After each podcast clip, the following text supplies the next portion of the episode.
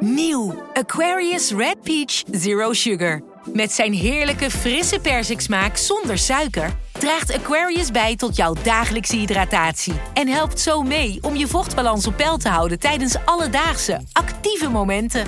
Thuis, op het werk of onderweg. Ook verkrijgbaar in smaken lemon en orange. Probeer hem nu. Bij een juridisch conflict kun je het gevoel krijgen dat je in een rollercoaster bent beland. Je wereld staat op zijn kop en je bent de controle even helemaal kwijt. Dan is het fijn als je bent verzekerd bij ARAG. Daar werken topjuristen en advocaten die je begrijpen. Die een stap extra voor je zetten. En je het gevoel van controle teruggeven. Met kennis en informatie, met heldere uitleg en met gericht advies. ARAG, juridisch probleemoplossers.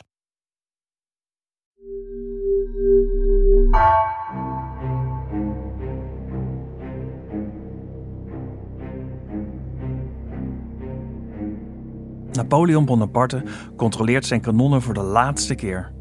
Het is 5 oktober 1795. Het is zes jaar na de bestorming van de gevangenis de Bastille. En er heerst nog steeds onrust in Frankrijk. Aanhangers van het Koningshuis zijn ontevreden over de kieswet voor een nieuw parlement. Het volk bereidt zich voor om het regeringscentrum te bestormen. Het is aan de 26-jarige Napoleon om hen te stoppen. Hij staat klaar voor zijn opkomst binnen de politiek van revolutionair Parijs. De jonge Napoleon had even getwijfeld of hij hier wel wilde staan. Politici waren in paniek naar hem toegekomen omdat ze de royalisten niet konden tegenhouden. Ze zeiden dat ze vertrouwen in hem hadden. Zijn doortastendheid en moed waren opgevallen. Napoleon twijfelde, maar hakte de knoop door. Hij ging akkoord. Hij was ervan overtuigd dat hij de wanorde wel kon herstellen. En hij had een plan. Razendsnel liet hij kanonnen van buiten de stad naar het centrum brengen en laadde ze met schroot. Zakken met tientallen metalen balletjes die alle kanten opvliegen nadat ze zijn afgeschoten. Napoleon wil ingrijpen op de manier die het beste bij hem past. Met een artilleriesalvo.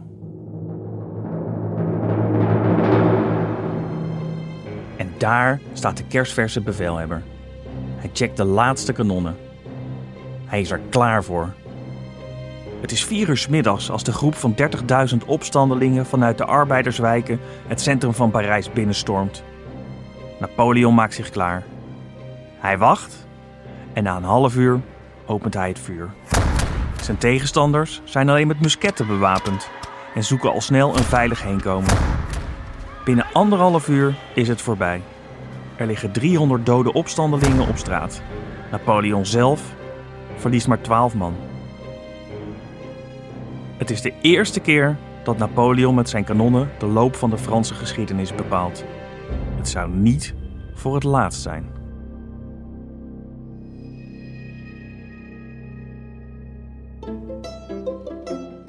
Dit is aflevering 1 van een drieluik over Napoleon Bonaparte. Mijn naam is Bart Funnekotter. Ik ben geschiedenisredacteur bij NRC en al van kinds af aan gefascineerd door Napoleon, die dit jaar 200 jaar geleden overleed. Ik onderzoek hoe de Corsicaanse alleskunner wist op te klimmen tot keizer van Frankrijk. Was hij een ongekend genie dat de loop van de geschiedenis eigenhandig bepaalde? Of was hij simpelweg op het juiste moment op de juiste plek? Hoe werd Napoleon Bonaparte een van de beroemdste veroveraars aller tijden? In deze eerste aflevering horen we over Napoleons opkomst op het wereldtoneel. Tijdens de Franse Revolutie vocht Frankrijk continu met landen die de opstand in de kiem wilden smoren. Binnen Frankrijk streden verschillende partijen om de macht. En de bevolking was nogal ontevreden over hoe het land geleid werd. De Franse Revolutie was niet een moment. Het was een tijdperk waarin actie en reactie zorgden voor een decennium van onrust. Iemand die daar alles over weet is Joost Roosendaal. Hij is docent politieke cultuurgeschiedenis aan de Radboud Universiteit in Nijmegen. Hij heeft me gevraagd om, in plaats van naar Parijs, naar Heusden te komen.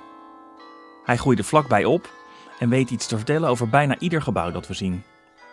Maar de belangrijkste reden? Hier groeide Johannes de Kok op, de enige Nederlander die met de guillotine werd onthoofd tijdens de Franse Revolutie. Joost, waarom hebben we afgesproken in uh, Heusden. Is, is, is, dit het Parijs van Nederland? nee, dat zou mooi zijn als dit het Parijs van Nederland zou zijn. Ja, eh, de Franse revolutie, eh, dat is natuurlijk een, een belangrijke gebeurtenis. Dat moet je eigenlijk in Parijs vertellen. Dat kan nu helaas niet. Maar ehm, ja, denkend over wat is nou een goede plek om dat verhaal van de Franse revolutie te vertellen. Waar kun je die 18e eeuw ook nog voelen, zien. En waar is de revolutie ook heel belangrijk geweest? Dat is hier in Heusden. Op het eind van de 18e eeuw, zelfs voor de Franse revolutie, was hier al een kern van een democratische revolutie. De leider van die democratische revolutie, Johannes Conradus de Kok, die is uiteindelijk in Frankrijk ten tijde van de revolutie onder de guillotine gekomen. En uh, ja, dat maakt eigenlijk dat dit stadje een en al revolutie ademt, zou je kunnen zeggen. En als je hier rondloopt, dan loop je eigenlijk weer terug in de 18e eeuw. Het eind van de 18e eeuw. Het hele stadje, de gebouwen, de huizen, ze zijn allemaal uh, in de sfeer van de 18e eeuw. Hoe bijzonder was het dat de kok in eh, Parijs onder de guillotine belandde? Waren er meer Nederlanders die die eer ten beurt uh, viel? ja, een, eh, een, een, tragische eer dan wel. Uh, nee, hij is de enige Nederlander die ja, onder de guillotine terechtgekomen is. Er waren wel een paar mensen die al heel lang in Frankrijk woonden, die datzelfde lot hebben ondergaan. Maar hij is echt ook als revolutionair onder de guillotine gekomen. Heusden was dus het epicentrum van de revolutie in Nederland. We duiken de revolutionaire tijd in om de opkomst van Napoleon te begrijpen. Een tijd die draaide om nieuwe idealen: vrijheid, gelijkheid en broederschap. Er moest meer inspraak voor burgers komen en de absolute monarchie stond onder druk. De Franse koning Lodewijk XVI en zijn vrouw Marie-Antoinette leefden in luxe en hadden een slecht imago. Mensen wilden verandering Waar kwam dit sentiment vandaan? Nou, daar zijn bibliotheken over volgeschreven. en, en er zijn allerlei stromingen en scholen. Iedereen heeft er weer zijn eigen interpretatie over wat nu de Franse Revolutie heeft veroorzaakt. Er zitten een aantal elementen. Het is uiteindelijk, denk ik, vooral een, een mengeling van allerlei factoren die daarbij mm zitten. Maar ik eh, denk dat je kunt zeggen dat de voedingsbodem van die Franse Revolutie een, een mengsel is. Een, een, een uh, ja, explosief mengsel van allerlei elementen die daarin zitten. Dat is op de eerste plaats uh, een absolutistisch bewind wat eigenlijk niet meer goed functioneerde. Er zijn oorlogen die uh, verloren zijn en uh, waardoor economisch Frankrijk in een slechte positie was terechtgekomen. Er is onvrede op het platteland. Er is ongelijkheid dat, in de betalen van belastingen. Dat maakte dat de koning genoodzaakt was door de financiële tekorten die hij had om de Staten-Generaal bijeen te roepen. De vertegenwoordigers van de geestelijkheid, de adel en de derde stand. En met name die laatste groep, de derde stand, de, de tiers état, dat is een groep die ook nog geïnspireerd werd en gevoed werd door de ideeën van de verlichting over vrijheid en vooral ook over gelijkheid. En uh, die uh, gingen eisen stellen om te zeggen van oké Frankrijk, uh, oké koning, u wil uh, uh, nieuwe belastingen heffen, maar daar willen wij iets voor terug. Wij willen inspraak in het bestuur, wij willen hervormingen doorvoeren. Dat is wat er gebeurt in 1789. En dan is er ook nog de grote groep van arbeiders, de proletariërs, zoals ze later wel worden uh, genoemd. De, uh, de arbeidende middenklasse en de lagere klasse. En die komen in met name Parijs in opstand. En die zeggen van, ja, wij willen ook onze inspraak. Wij willen ook dat wij beter behandeld worden. En die groep, die krijgt eigenlijk te weinig gehoor door de oude orde, door de adel, door de koning met name. En dat leidt uiteindelijk in 1792 tot een nieuwe revolutie. De bestorming van de Tuileries, het paleis waar de Franse koning verbleef. En het einde van de monarchie en het begin van een veel radicalere fase in de Franse revolutie. Die radicale fase was te danken aan Maximilien de Robespierre. Een van de meest extreme voorvechters van de revolutionaire idealen. Hij was een gevreesd leider. Niet alleen burgers, ook edellieden, priesters en zelfs de koning werden onder zijn bewind vermoord. Iedereen die ook maar iets afweek van Robespierre's denkwijze, werd met de guillotine onthoofd. En zijn aanhang, de radicale revolutionaire zelf, konden van het ene op het andere moment ook in het verkeerde kamp belanden. Parijs was een puinhoop en het bloed vloeide rijkelijk. Ja, ehm, we hebben verschillende fases in die terreur. We hebben direct na de val van de monarchie in september, eh, 17, begin september 1792 al... dat heel veel ehm, ja, aanhangers van de koninklijke eh, familie... dat die gevangen zitten. En die worden allemaal in de gevangenissen vermoord. Ja. Dat heet de kleine terreur. Ja. De verantwoordelijke man daarvoor was eh, Danton. eh, een, iemand die we later ook vaak terugzien in het eh, samenspel met eh, Robespierre. Dan komt er een groep aan de macht in Frankrijk die zegt: wij moeten de revolutie, die is zo belangrijk, wij moeten die over heel Europa gaan verspreiden. Dat is eh, de fase in 1792, 1793. Maar die groep, de Girondijnen, die leidt nederlagen. Die eh, mislukt. En in de zomer van 1793 zeggen ze, zegt Robespierre met zijn kornuiten... die zeggen van, ja, jullie Girondijnen, jullie willen die revolutie eh, exporteren... Maar we moeten eerst de vijand binnenin, in Frankrijk, in onze Franse Republiek, die moeten we eerst aanpakken. En ja, dat begint dan eerst met royalisten die overal opduiken en die onder de guillotine moeten. Maar al heel snel wordt iedereen die zich niet conformeert aan het sociale programma, het revolutionaire programma van Robespierre en zijn eh, aanhang, van zijn Jacobijnen, die worden gezien als vijanden van de revolutie. En ja, we moeten de vijand uitschakelen om de revolutie te redden, om de republiek te redden. En ja, dat zet dan het mechanisme van de guillotine in werking. Robespierre kende geen genade. Koste wat kost verdedigde hij zijn idealen en zijn macht. Tot hij werd afgezet en zelf met de guillotine werd onthoofd. Dat bood ruimte aan mensen die andere ideeën hadden over de toekomst van Frankrijk. Onder wie koningsgezinden die de monarchie terug wilden. En zo zijn we in de scène beland waarmee we deze aflevering begonnen. 5 oktober 1795. Het regeringscentrum van Parijs wordt bedreigd door een menigte die roept om een koning. De politici zijn in paniek. Al hun hoop is gevestigd op Napoleon. En die levert. Hij grijpt in met zijn artilleriesalvo en wordt een nationale beroemdheid.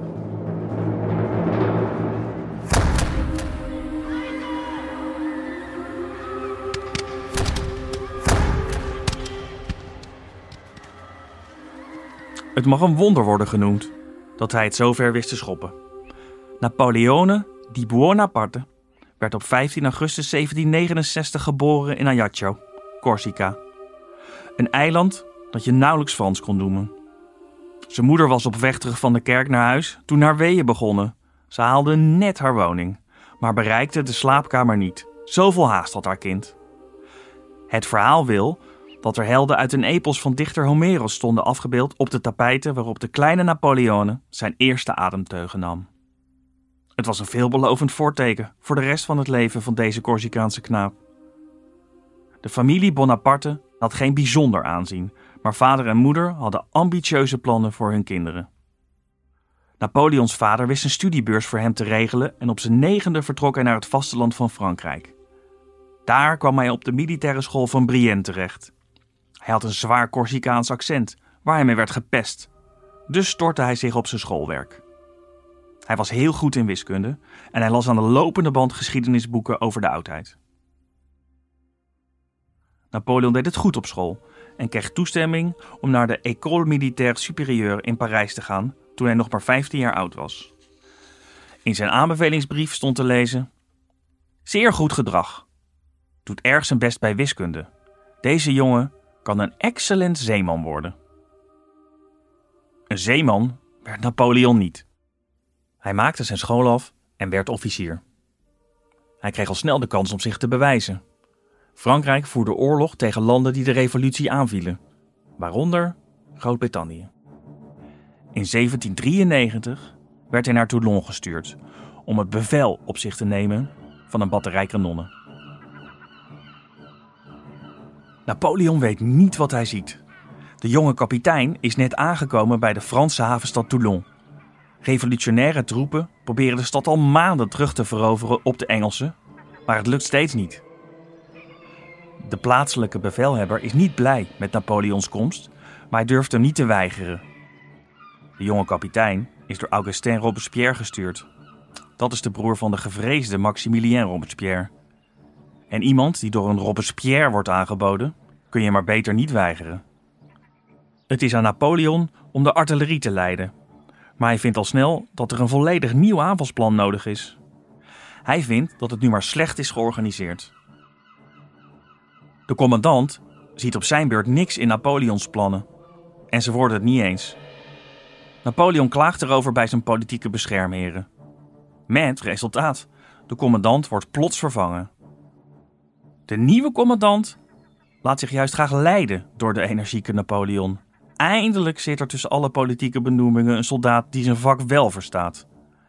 In een rapport schrijft hij: Deze jonge officier combineert een zeldzame dapperheid en een onvermoeibare bedrijvigheid met zijn talrijke talenten. Elke keer wanneer ik mijn ronde maak, is hij op zijn post. Als hij even wil rusten, ligt hij op de grond en wikkelt zich in zijn mantel. Nooit verlaat hij zijn plek. Napoleon is opgeleid als artillerist en houdt van een mooi arsenaal kanonnen. Tot zijn verdriet krijgt hij er in Toulon slechts een handje vol. Hij speurt daarom de omgeving af en ieder kanon dat hij vindt neemt hij in beslag. Zo verzamelt hij nog honderd stuks. Het is tijd voor de aanval en de revolutionairen stellen zich op.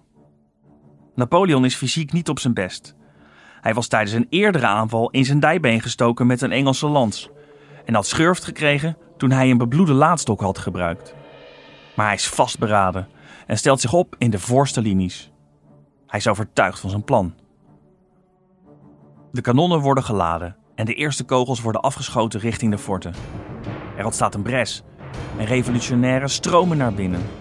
Dan richt Napoleon zijn kanonnen op de baai waar de Engelse schepen liggen. Met resultaat. Over de succesvolle verovering zegt Napoleon zelf: De wervelwind van vlammen en rook die uit het arsenaal opsteeg, leek op de uitbarsting van een vulkaan. En de dertien schepen die brandden in de baai leken wel op een vuurwerkvertoning. De masten en de contouren van de vaartuigen werden getekend door de vlammen. Dit duurde vele uren en vormde een spektakel zonder weerga.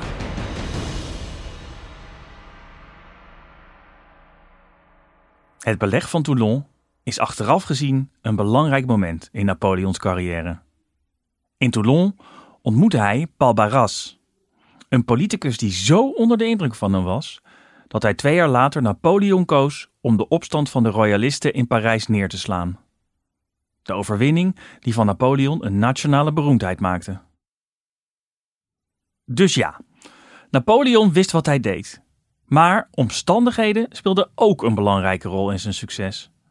Als revolutionair als Robespierre en Barras hem niet hadden kunnen gebruiken, dan had zijn toekomst er vast een stuk anders uitgezien. Napoleon promoveerde tot bevelhebber van het Franse leger in Italië en was ook daar enorm succesvol. Keer op keer versloeg hij de Oostenrijkers en stuurde hij de buit terug naar Frankrijk. Hij werd de populairste generaal van het leger. Politici voelden zich alleen wel een beetje bedreigd door dit succes. Dat geld was welkom, maar ze hielden Napoleon zelf liever ver weg van Parijs. Wat als deze generaal zich actief met de politiek wilde gaan bemoeien? Wat gebeurt er in die tijd eh, in Parijs terwijl hij weg is? Ja, uh, dat is een periode waarin nog steeds veel instabiliteit eigenlijk is. Uh, niet voor niets moest, heeft Napoleon ingegrepen dat, dat hij een entree maakte. Dat was natuurlijk omdat eigenlijk de royalisten meenden dat zij met de nieuwe constitutie die er was... de meerderheid zouden krijgen en dat de monarchie hersteld zou kunnen worden. Mm -hmm. Nou, de revolutionairen, de gematigde revolutionairen... die waren bang dat de hele revolutie en alle verdiensten daarvan ten einde zouden komen. En die hadden bepaald in de grondwet dat twee derde van alle parlementsleden eigenlijk uh, een brevet van revolutionair karakter moesten uh, tonen. Ja. Veel instabiliteit, uh, onzekerheid. Economisch gezien ging het heel slecht. geldontwaarding was een gigantisch probleem op dat moment. Ja. En in die chaos, daar wordt dan steeds meer duidelijk... Frankrijk kan geen geen goede regie voeren. Mm -hmm. Ze zijn wel overal oorlog aan het voeren, maar ze hebben eigenlijk nauwelijks de macht om uh, de boel onder controle uh, te houden. Het, het wankelt. We zijn beland in 1799. Tien jaar na de bestorming van de Bastille en vijf jaar na de onthoofding van revolutieleider Robespierre. Na zijn schrikbewind werd het bestuur van Frankrijk anders ingericht. Een vijfkoppig college, het directoire, kreeg de leiding over het land. Zij werden gecontroleerd door het parlement, dat bestond uit twee kamers, de Ouden en de 500. Maar het lukte ook deze nieuwe machthebbers niet om de problemen van Frankrijk op te lossen. Dat schiep een nieuwe kans. De tijd was rijp voor Napoleon om een gooi te doen naar het allerhoogste. Napoleon Bonaparte is er klaar voor. Vandaag grijpt hij de macht. Op 9 november 1799 heerst nog steeds onrust in Frankrijk. De oorlog met de buitenlandse tegenstanders van de revolutie schiet niet op en het volk is ontevreden. Napoleon is ervan overtuigd dat hij het beter kan en dit is zijn kans. Hij is net terug in Parijs en heeft connecties in de politiek. Hij is beroemd, veel mensen mogen hem en hij kan zijn militaire faam gebruiken om het leger aan zijn kant te krijgen. Zijn tactiek is simpel. Hij dwingt het vijfkoppige bestuur van Frankrijk, het directoire, tot aftreden, door te dreigen met geweld. Nu moet het parlement hem wel benoemen tot de baas van Frankrijk. Maar zo makkelijk gaat het niet. Om zijn plan te laten slagen, moet hij ook de oude en de 500, die samen het parlement vormen, wegkrijgen uit Parijs. Daarvoor heeft hij een list bedacht. Het parlement vergadert in een paleis in de stad. Vol goede moed stapt Napoleon de grote zaal binnen. Radicale revolutionairen willen de macht grijpen, vertelt Napoleon het parlement. Er is een coup aanstaande nu het directoire is afgetreden. Voor hun eigen veiligheid is het beter als de parlementsleden het pand verlaten en ergens anders vergaderen. Bijvoorbeeld in het paleis van Saint-Cloud, 10 kilometer buiten Parijs. De parlementariërs stemmen in. Napoleon reist hen de volgende ochtend achterna. Als hij aankomt in Saint-Cloud, zullen de oude en de 500 het vast wel eens zijn over wie de nieuwe machthebber moet worden. Napoleon verwacht dat zijn benoeming snel rond is. Zenuwachtig, maar nog steeds vol goede moed, onderbreekt hij eerst de vergadering van de oude. Maar die verzandt in een ruzie over de wettigheid van het aftreden van het directoire. Over een benoeming gaat het nog lang niet. Een van Napoleons generaals raakt ontmoedigd en zegt hem dat ze beter kunnen stoppen met de coup. Maar Napoleon antwoordt: De wijn is ingeschonken, we moeten hem opdrinken. Hij verlaat de ruimte en valt de zaal binnen waar het andere deel van het parlement, de 500, vergadert. Maar hij is te zenuwachtig. Hij verknoeit zijn optreden en raaskalt over vulkanen en geheime samenzweringen. Hij lijkt in de war. Hij dreigt en schreeuwt Denk eraan dat de God van de overwinning en de God van de oorlog met mij meemarcheren. Zijn medestanders proberen hem van het podium te trekken. Voor zijn eigen veiligheid. Maar Napoleon is niet te houden. De boel ontploft. Parlementariërs protesteren en roepen: Weg met de tiran! Weg met de dictator! Bandiet! Een aantal afgevaardigden stormt op Napoleon af. Hij krijgt klappen en komt in het gedrang. Zijn escorte brengt hem snel naar buiten. Er heerst complete verwarring. Nog nooit was Napoleon zo dicht bij de guillotine als nu. Ook Napoleons broer Lucien is in de vergaderzaal. Als voorzitter van de 500 had hij de hele dag al grote moeite de vergadering in de hand te houden. En ook nu lukt het hem niet om de politici te kalmeren. Maar hij moet iets doen om zijn broer te redden. Hij besluit zijn voorzitterstoel te verlaten, zodat er geen besluiten genomen kunnen worden. Hij volgt Napoleon naar buiten, waar zijn soldaten hem opwachten. Lucien spreekt de soldaten toe. Hij moet duidelijk maken dat Napoleon echt het beste voor heeft met het Franse volk. Het is het beste om de vergadering te ontruimen, zegt hij. De afgevaardigden hier binnen zijn niet langer de vertegenwoordigers van het volk, maar de vertegenwoordigers van de dolk. Daarna pakt Lucien een zwaard en zet de punt op de borst van zijn broer en doet een belofte. Ik zal hem doden als hij ooit iets onderneemt dat de vrijheid van het volk in gevaar brengt. Lucien overdrijft, maar het is de enige manier om Napoleons plan te redden. De soldaten zijn overtuigd. Ze betreden de zaal met de bajonet op hun musket. Gooi dit zootje eruit, beveelt de aanvoerder. Napoleon is nog steeds ondaan. Zijn broers plan is geslaagd, maar nu dient zich een nieuw probleem aan. Er zijn niet genoeg parlementariërs over om zijn staatsgreep goed te keuren. Hij stuurt zijn soldaten erop uit om de omgeving uit te komen. Maar ze vinden er niet meer dan 100. Dat is te weinig voor een quorum, maar zijn broer Lucien redt Napoleons plan voor de tweede keer. Het opstappen van het directoire wordt toch goedgekeurd. Napoleon wordt benoemd tot consul. Hij heeft zijn doel bereikt. Hij is officieel de machtigste man van Frankrijk. Ik kom nu toe aan de, zeg maar zeggen, de vraag der vragen. In die periode 1789 tot 1800, dat Napoleon die staatsgreep uh, pleegt en eerste consul wordt. En, en dus de facto de baas van Frankrijk. In hoeverre is Napoleon nou iemand geweest die door krachten buiten zijn macht is voortgedreven, dus die in feite door de geschiedenis is voortgedreven. En in hoeverre was hij nou iemand die de geschiedenis bij de horens vatte en meesleepte naar de plek waar hij er, waar die er wilde hebben? Ja, um, op deze vraag zijn ook weer heel veel verschillende visies en, uh, en antwoorden uh, te geven. Um, zelf behoor ik uh, tot de groep die toch veel meer hem zien als een product van de uh, revolutie waaruit hij voortgekomen is. Ja. En ja, uh, hij heeft toevallig, uh, was het de juiste man op de juiste plek met de juiste talenten. Ja. hij had ook wel een, een, een groot, ehm, ja, een groot talent ook om, om mensen tegen elkaar uit te spelen, maar ook weer voor zich in te nemen. Ja. daar was hij geniaal in. Um, had Napoleon ook kunnen bestaan zonder die revolutie? En dan, nee. nee. Napoleon is een kind van die revolutie. Hij had nooit carrière kunnen maken. Hij kwam af van Corsica, van een, ja, een, een adellijke, misschien adellijke familie. Ja. is in de duisternis. Eh, ehm, ja, eh, eh, hij heeft carrière, militaire carrière kunnen maken. Hij had nooit die generaal kunnen worden zoals hij dat is geworden zonder de revolutie. Ja. Maar ik treed nu even voor Napoleon in het krijt.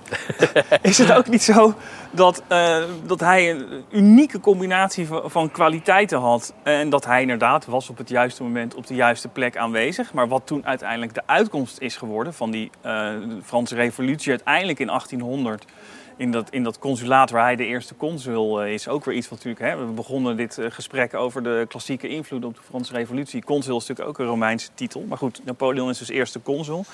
Was, was, was het waar niet juist zijn unieke talenten en zijn unieke denkbeelden en zijn werklust... Uh, die ertoe leidden dat dat de uitkomst uiteindelijk werd van de Franse revolutie in 1800?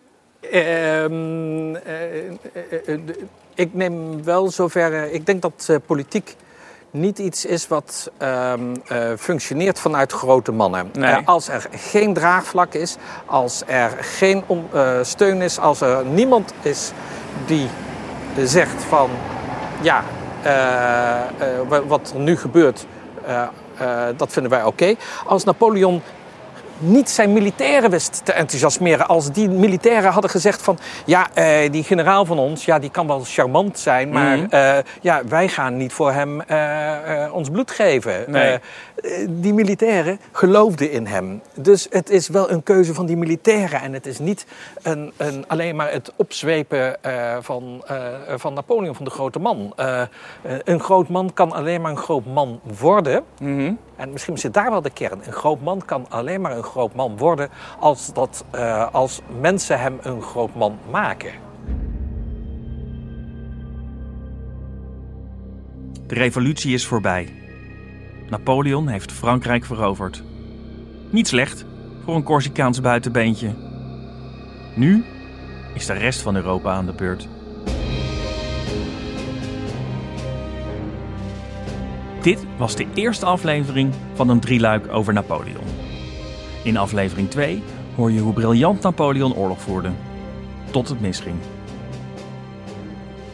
Deze podcast werd gemaakt door Elze van Driel, Jeppe van Kesteren en mijzelf, Bart Funnekotter.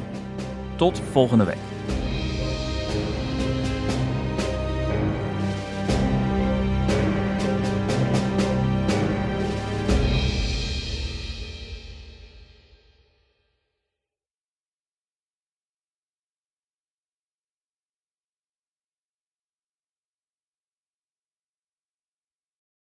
De financiële markten zijn veranderd, maar de toekomst, die staat vast.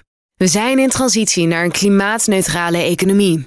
Dit biedt een van de grootste investeringskansen van onze generatie. Een kans voor u om mee te groeien met de pioniers van morgen. Meer weten? Ga naar carbonequity.com. Carbon Equity. Do good by investing better.